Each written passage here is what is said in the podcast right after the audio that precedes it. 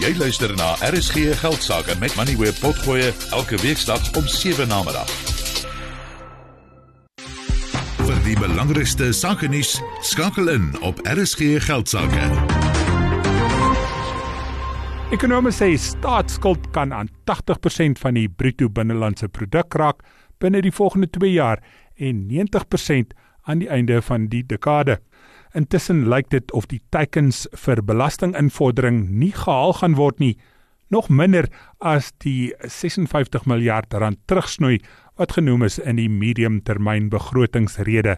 Die minister van Finansies, Enoch Godongwana, lewer volgende week Woensdag sy begrotingsrede. Ek het vanmiddag gesels met Johan Els, hoof-ekonoom van Old Mutual. Goeiemiddag Johan, welkom by die program. Wat is die risiko verbonde aan die regering wat meer geld skuld in verhouding met die bruto binnelandse produk? Ja, dis natuurlik die diens van daai skuld wat die probleem bring. Met ander woorde die rentebetalings op die skuld. So hoër die skuld is, hoe meer is die rentebetalings. En op die oomblik sit ons met 'n geweldige hoë staatsskuld vlak heel wat meer as so 12 jaar gelede. En dit beteken dat die rentebetalings op die skuld het natuurlik dramaties gegroei. As ons kyk na waar ons op die oomblik sit, dan vir elke 1 rand wat deur belastinginkomste inkom, betaal ons meer as 19 sent net aan die rente op die skuld.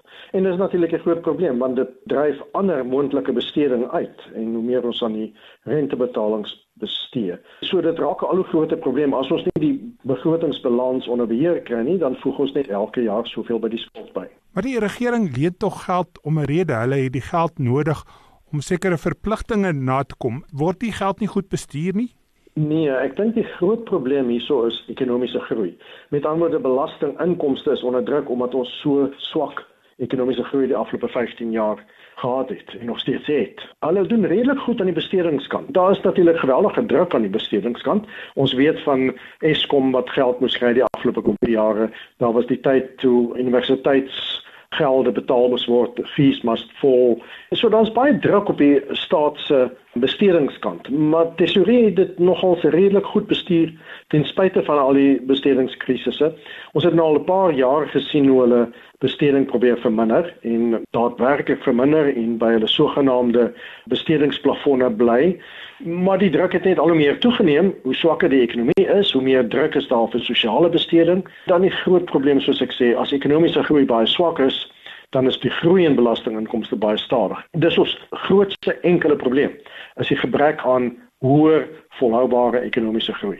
Aan die einde van verlede jaar, as ons dan nou die groot Amerikaanse ekonomie nie kan vergelyk nie, maar as 'n voorbeeld kan gebruik, Hulle skuld was in verhouding met hulle bruto binnelandse produk op 97%. Hulle voorspel dat dit in 10 jaar se tyd in 2034 op 116% gaan staan.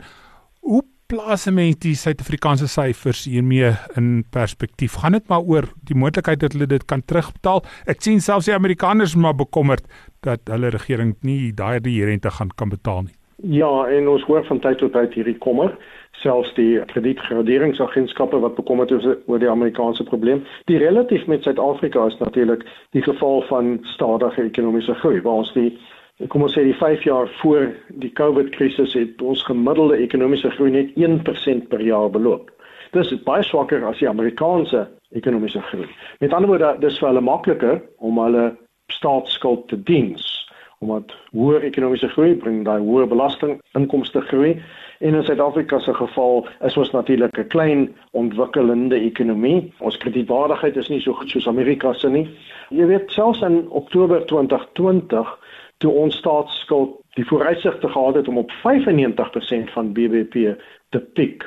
Dit is natuurlik nou heel wat laer en dis 'n goeie perspektief om te sien, maar selfs toe dis nie op sigself so erg as ons ekonomiese groei rondom 3% of selfs plus hoër as 3% was nie. Die probleem is as jy teen 1% per jaar groei, dan is 95% staatsskuldverhouding 'n dramatiese probleem want dan dink kredietgraderingsagentskappe en natuurlik die buitelandse belegger dat ons sal nie dit kan diens nie en dan styg ons langtermyn rentekoers en dit maak dit selfs nog moeiliker om my skuld te diens. So die oplossing is en jy het verwys hierna alreeds om meer geld uit die belastingbetaler te kry. Is daar nog geld wat van die belastingbetaler verhaal kan word? Nie in die sin van hoër belastingkoerse nie. Nee.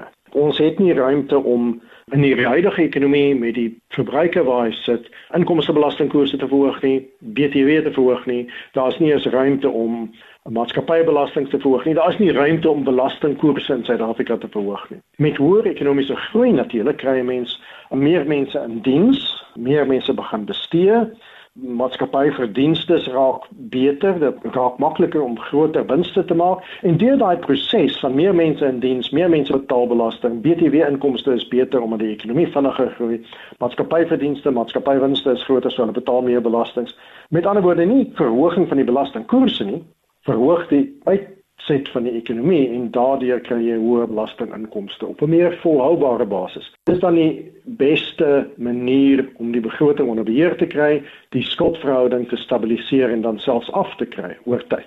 En ons het dit gehad onder die regering aan die jare 2004, 5, 6, 7 toe ekonomiese groei noord van 5% per jaar was toe reële verbruiksbesteding noord van 7% per jaar was. Belastinginkomste baie sterk. Ons het dit reg gekry om selfs 'n begrotingssurplus te hê in 'n jaar of twee en die staatsskuldverhouding het dramaties afgekom. En dis 'n tipe voorbeeld. Ons het dit gedoen, ons kan dit doen en hoewel ons heel waarskynlik nie weer 5% groei gaan ervaar nie, kan ons ons groei effens lig van waar ons was.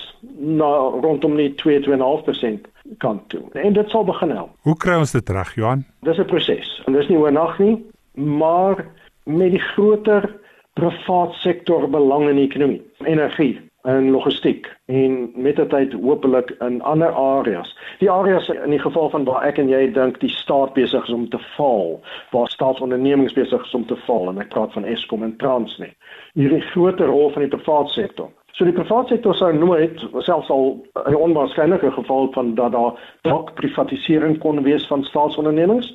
So hulle nou van die wou daai ondernemings koop nie want dit is mislukte ondernemings, maar die private sektor raak baie gerieflik en gemaklik en met 'n winsoorsig betrokke in energie elektrisiteitsopwekking en in die logistieke sektor. En en daai groot rol van die private sektor, met ander woorde, ons is stadig aan en is hier in stadig en is oor nag nie en ekonomiese groei is baie swak, maar daai meer vrye mark tipe ekonomie gaan heel waarskynlik help dat ons effens hoër ekonomiese groei oor die medium na langtermyn kan ervaar. En dit is 'n stadige proses. Dit gaan nie oor nag daar wees nie, dit gaan met tyd gebeur, maar ons is hopelik op pad daarna toe. As ons kyk na die tipe werk wat Operation Bulendlela doen in terme van beleidsveranderinge te implementeer en te sorg dat dit toegepas word is ons ten minste besig om 'n paar tree vorentoe te gee in plaas van almekaar agtertoe. En ek dink dis die perspektief wat ons moet sien. Ons weet daar's baie negatiewe wat ons gaan terughou van 'n 5% groei, maar daar is dinge wat besig is om te gebeur wat ons na 2-2.5% ekonomiese groei toe kan laat aanbeweeg. Baie dankie Johan, dit was Johan Els, hoof-ekonoom van Old Mutual. Ja, as ek net vinnig na jou toe kan terugkom. Hy praat die hele tyd van stadig en ons moet vinniger. Hoe kry ons dit vinniger? Ja, dit is een van die groot vrae hierso. Uh, Tinus, ons ons het natuurlik die verbetering van die infrastruktuur nodig. Ons weet almal daarvan. Daar sien ons reeds uh, heelwat uh, betrokkenheid van die privaat sektor. Die privaat sektor soos Johan ook geregtelik gesê het, is die drywer hier vir ekonomiese groei. Ons het ook nodig dat die regering die reguleringsomgewing uh, vir ons makliker maak om besigheid te doen vir buitelandse besighede sowel as plaaslike besighede om besigheid in Suid-Afrika te doen. Dit sal dan ook die die uh die uh, vertroue in besigheid verhoog wat mense meer geneig maak om geld te spandeer, kapitale investering te doen. En dan as gevolg van ons gryslys status maak dit natuurlik die toegang na finansiering vir nuwe besigheid vir groot kapitale investering duurder. So om van daardie gryslys af te kom wat weer eens 'n groot gedeelte is wat die staat kan help mee, uh, sal ook baie help om ekonomiese groei te kan kan bewerkstellig. Daar's 'n hele klomp sulke goed tegnologie, die gebruik van 'n uh, gesamentlike gebruik van tegnologie saam met die die die uh die ehm um, diensnemingssektor en ook dan natuurlik rondom dit soos gesê het reëls en regulasies om korrupsie te beperk en natuurlik die besigheidsomgewing um, makliker te maak om besigheid te doen in Suid-Afrika. Jy het geluister na RSG Geldsaake met Money where potgoe elke weeksdag om 7 na middag. Vir meer Money where potgoe, besoek moneyweb.co.za of laai die toepassing af en volg Moneyweb News om dagliks op hoogte te bly.